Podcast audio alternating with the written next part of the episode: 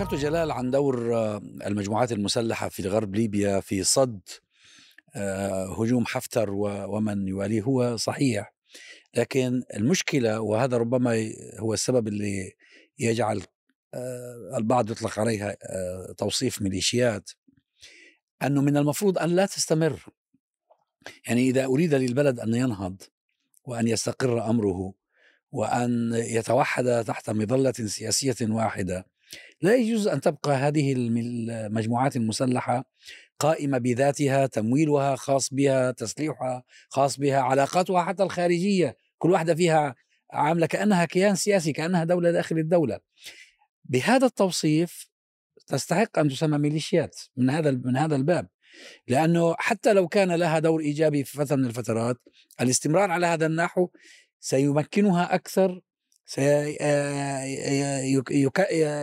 سيكرس وجودها ويرسخ أقدامها وستصبح عائقا في طريق أي محاولة لتوحيد البلاد واستعادة العملية السياسية. الحقيقة خلينا نتفق على أساس أن هي جماعات مسلحة وليست ميليشيا بمعنى أن هي منفلتة بمعنى أن هي قد تكون إرهابية وقد تكون ضد ضد البلد. هي هي تعمل لصالح البلد ولكن آه، نظرتها للبلد تختلف على نظرتكم أنتم وعلى نظريتي أنا وعلى كذا. المشكلة في هذه الجماعات المسلحة أن هي لا تهدف إلى بناء دولة في في ليبيا مهما عرفت الدولة وكيف ما عرفت الدولة المهم أنها لا تسعى إلى توحيد سلطة سياسية واحدة هي التي تدير البلاد هي لها مصلحة في استمرار الوضع القائم كما هو لأنها تستفيد من هذا الوضع لا القائم. هو هو الإشكال أستاذ آه، يعني إشكال واقعي مش نظري. هذه المجموعات اللي هي مجموعات ثوار نصب في مخاتلة لها نصب خليفه حفتر قائد الجيش الليبي. وأراد أن يتسلط عليه يعني تصبح كلها تحت تحت إمرته. بينما هو أصلا يعني نصب نفسه يعني بنفسه. يعني لم يعني لم يأتي في سياق يعني بناء الدولة وبناء يعني طيب الأولى والتحول من الثورة إلى الدولة. أليس الأجدر بأن يتوحد خصومه في مظلة سياسية وأمنية وعسكرية واحدة؟ لا لا يمكن لا يمكن ذلك لأن هناك تدخلات واختراقات خارجية كثيرة. ثم آه، بربك يعني ماذا على الأقل في ربما في طرابلس هي مجموعات؟ يعني ما هو الفرق بينها وبين آه، ميليشيا السيسي يعني؟ أنا أرى أن السيسي ميليشيا يعني استولى على السلطة وبالجيش المصري أخضع مصر وأسقط نظام ناس منتخبين. قتل الرئيس سجن عشرات الآلاف وما زال يسجن فقر مصر باع أرض مصر. تخلى على فشل في قضية المياه مع إثيوبيا. آه، مع إسرائيل ذبح سيناء مع إسرائيل يخنق غزة.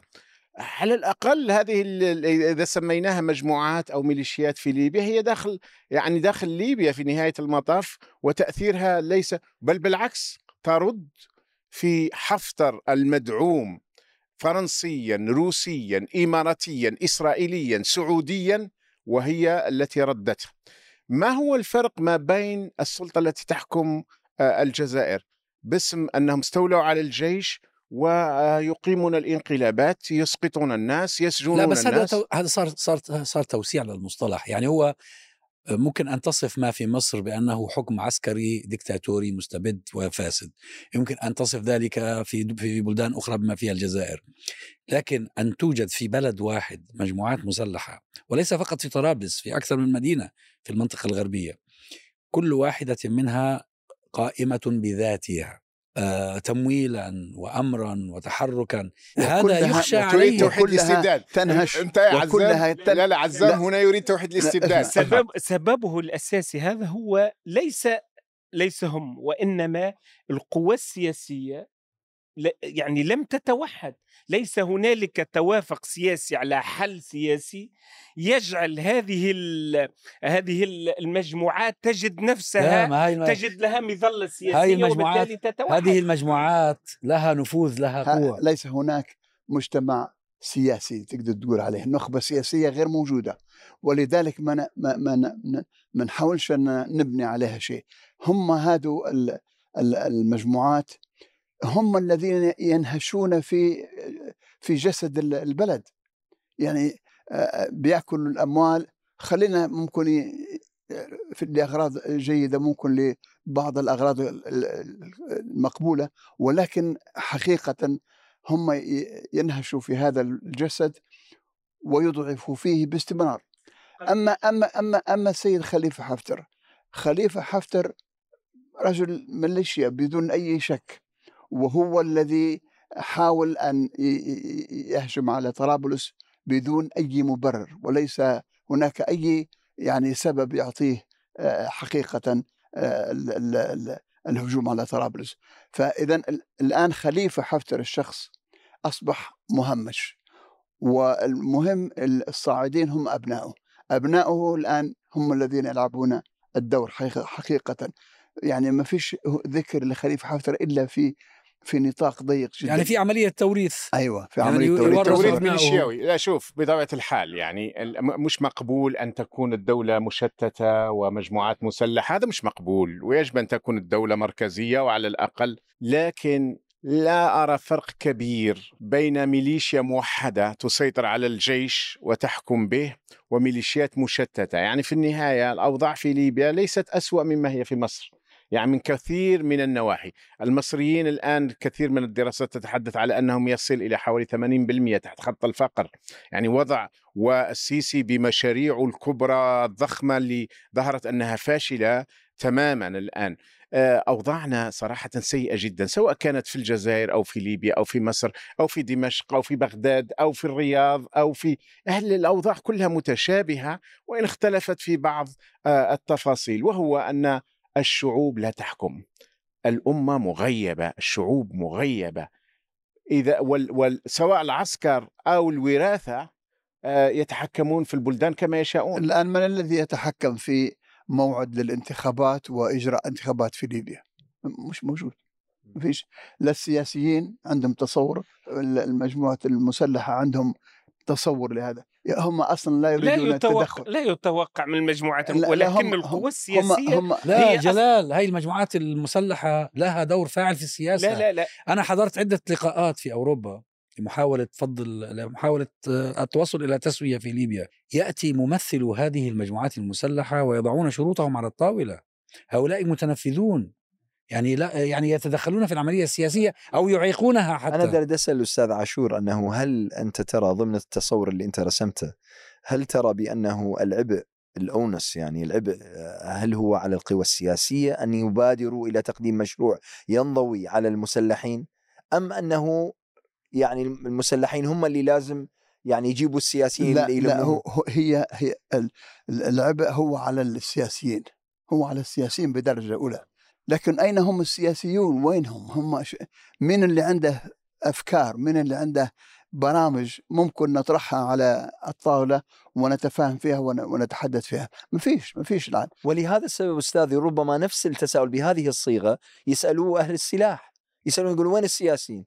ماذا ما يعني ولذلك إحنا زي الدجاجة والبيضه أيوة من, من. الذي أتى يعني اولا؟ إحنا حصلنا زي ما أقول لك اللي قال لهم حطوا جرس في رقبه رغبه القط. القط. من يعلق الجرس؟ أيوة، فقال من من اللي يتجرأ يب- يحط الجرس برقبته لأن ما فيش حد يأمن للآخر ولا يأمن لقوة مسلحة ولا يأمن لقوة سياسية ولا يأمن لقوة اقتصادية ولا كذا.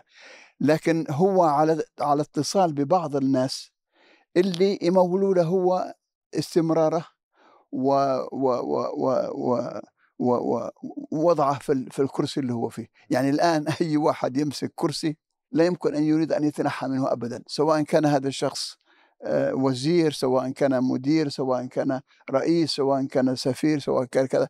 أي واحد يحصل كرسي مش عايز أنه يتحول منه. طيب كيف؟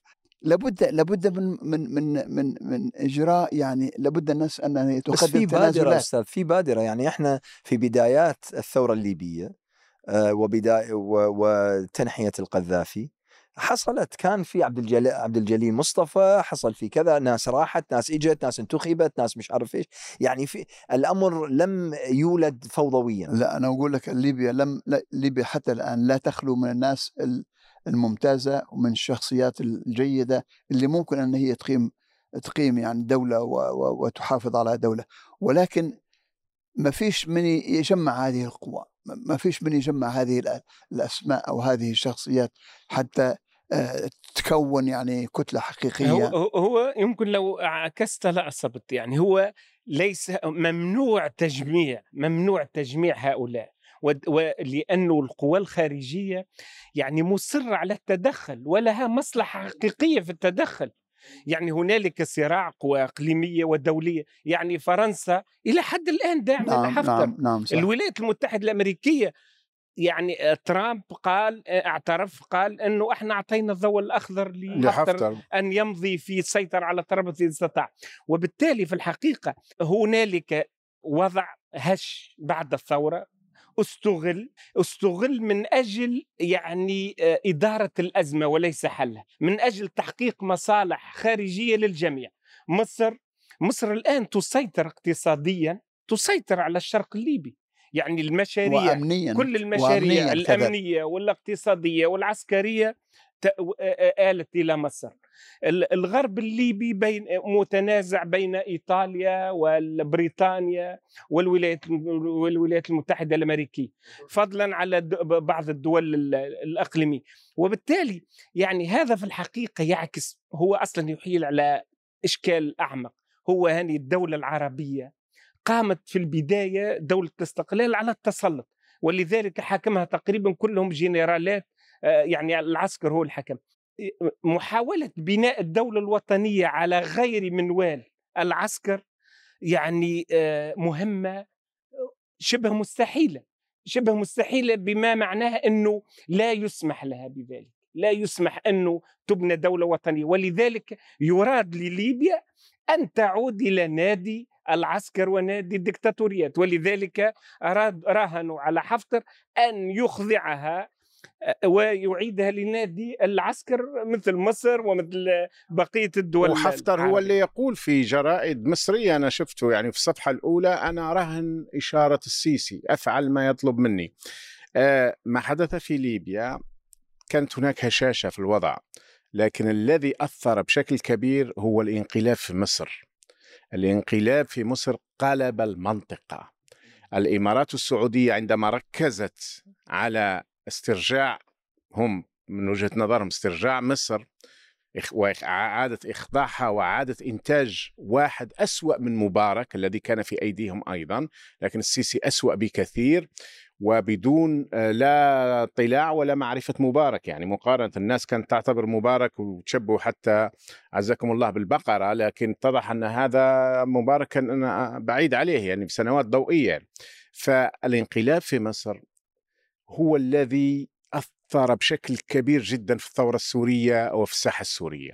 وأثر للسورية أيضا والليبية وأثر في أماكن أخرى حتى في تونس اليمن الآن تونس ما يجري في تونس, له تونس علاقة بالامر كلها راجعة لأنهم فهموا أن مصر في الحقيقة إذا ما قلبت فيها الحكم فإنك ستقلب هذا الربيع العربي الذي كانوا يتوقعون ويعتقدون وبعض قادة الربيع العربي قالوا أن 2011 جمهوريات و2012 ملكيات أي أننا الشعوب نريدها أن تحكم حتى في آه، الملكيات. هذا خلى طبعا الإمارات والسعودية في حالة من التوتر والطوارئ واستخدموا كل الأدوات وها هي الإمارات تجني ثمار ذلك بذهاب الأموال والذهب وإلى دبي وإلى أبو ظبي. طبعا هو الآن ما, ما, ما يجري في تونس هو نتيجة حتمية للانقلاب اللي صار في مصر. وإن كان أخذ وقت يعني هو ما حصلش مباشرة. آه، ربما بعض إخواننا التوانسة كانوا يظنون أنفسهم أذكى من إخوان مصر. وأكثر مناعة.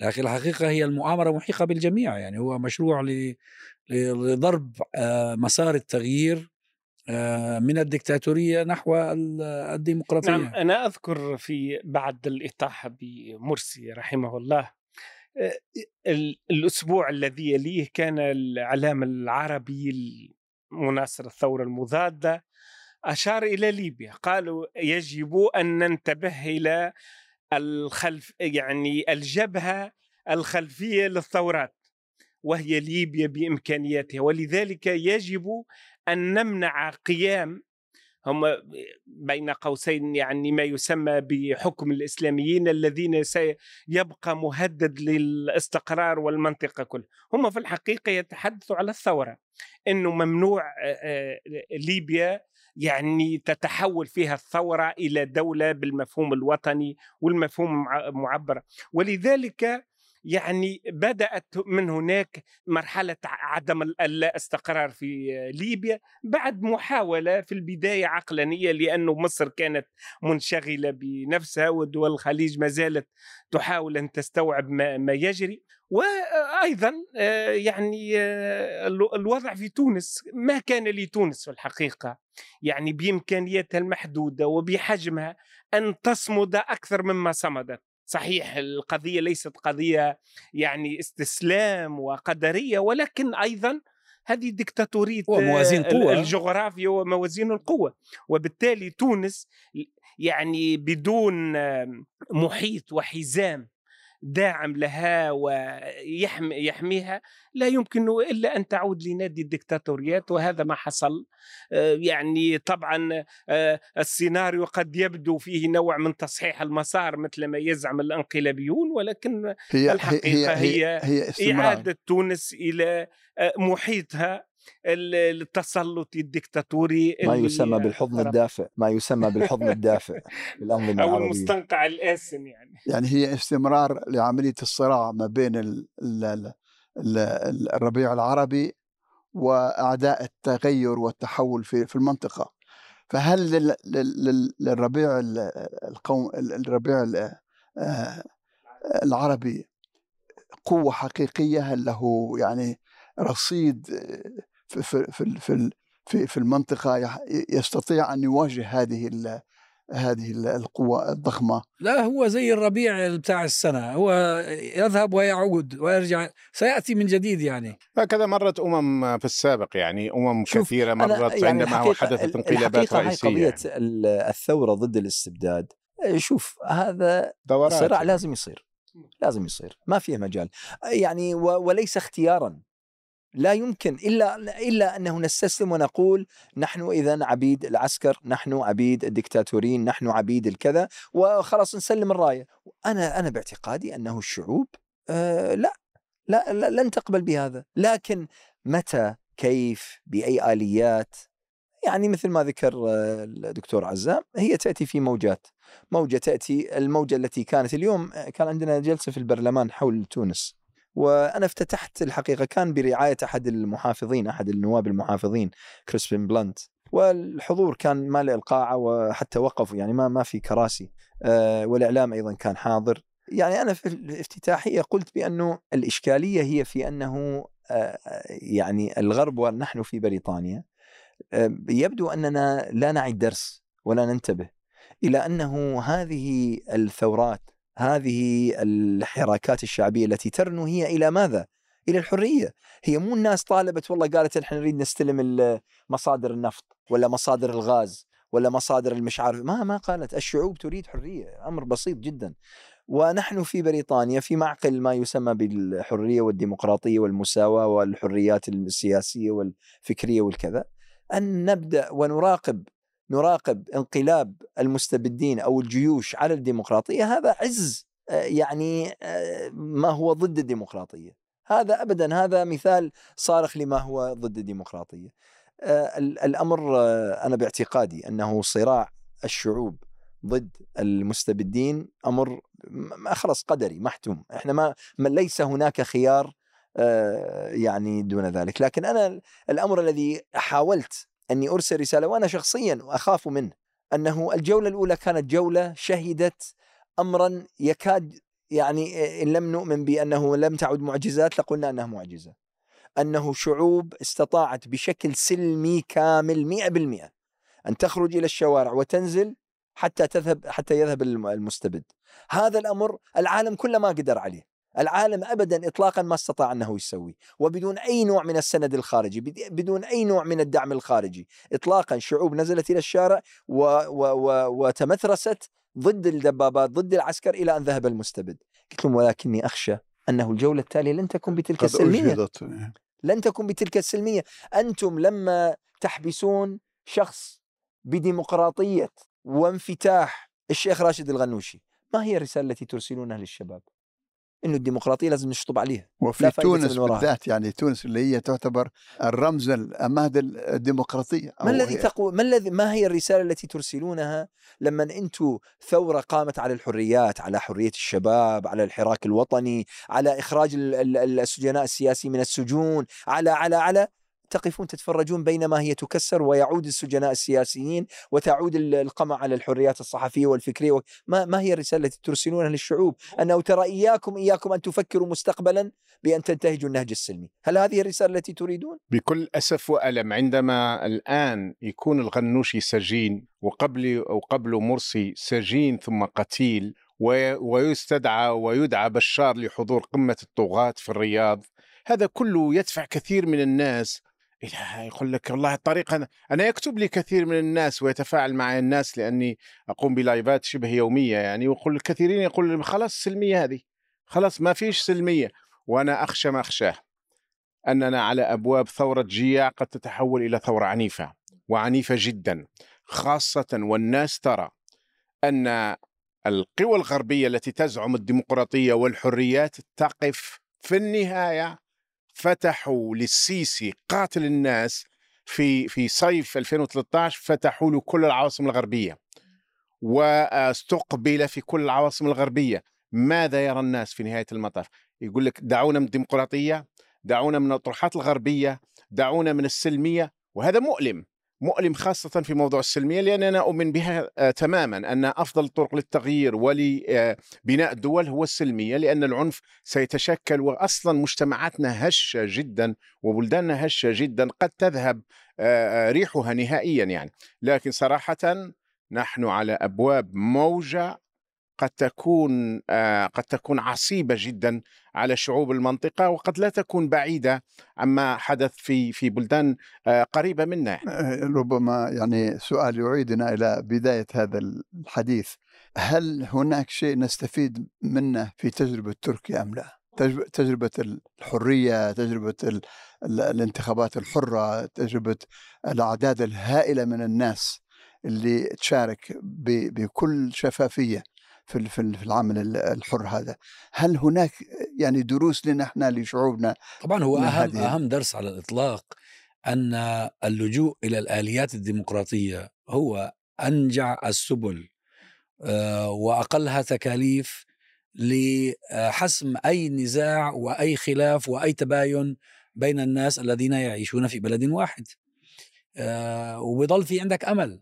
إنه إذا مش عاجبك الحكومة اليوم بعد أربع خمس سنوات لديك فرصة لأن آه، تعمل على تغييرها وأيضا آه، سلميا. وبذلك تتمكن يتمكن البلد من أن يرتقي من أن آه، تصبح عنده صناعات أفضل وزراعة أفضل وسياحة أفضل ويرتقي إبداع مستوى الإنسان فيه. وإبداع هو- وإبداع. هو ك- كافي إنه آه، تركيا تستقبل يمكن أكبر عدد من السياح من العالم العربي.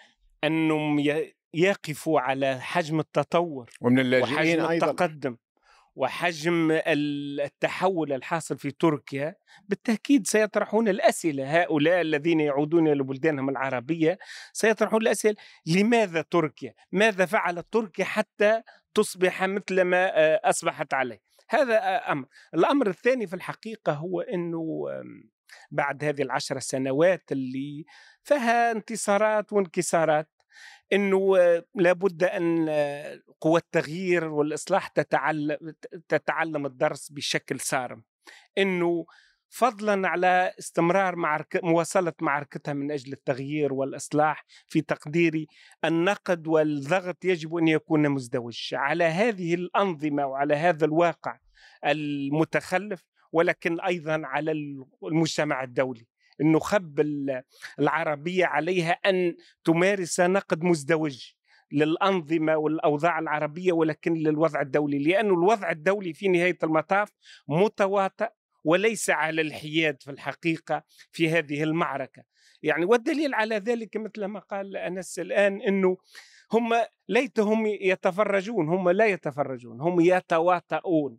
هم جزء من مشكلة التغيير هم جزء من مأزق التغيير هم الذين يعطلون التغيير. ولذلك فضح هذه وبالتالي الحقيقة. لابد من إنه إنه نخبهم ومثقفيهم يدركوا إنه العالم العربي يعاني ما يعانيه ليس فقط من أنظمة وهذا استبدادية الدور دور وإنما من داعمين له من هذه القوى الخارجية. وهذا وهذا هذا دور دور إعلامي أكثر منه أي شيء آخر.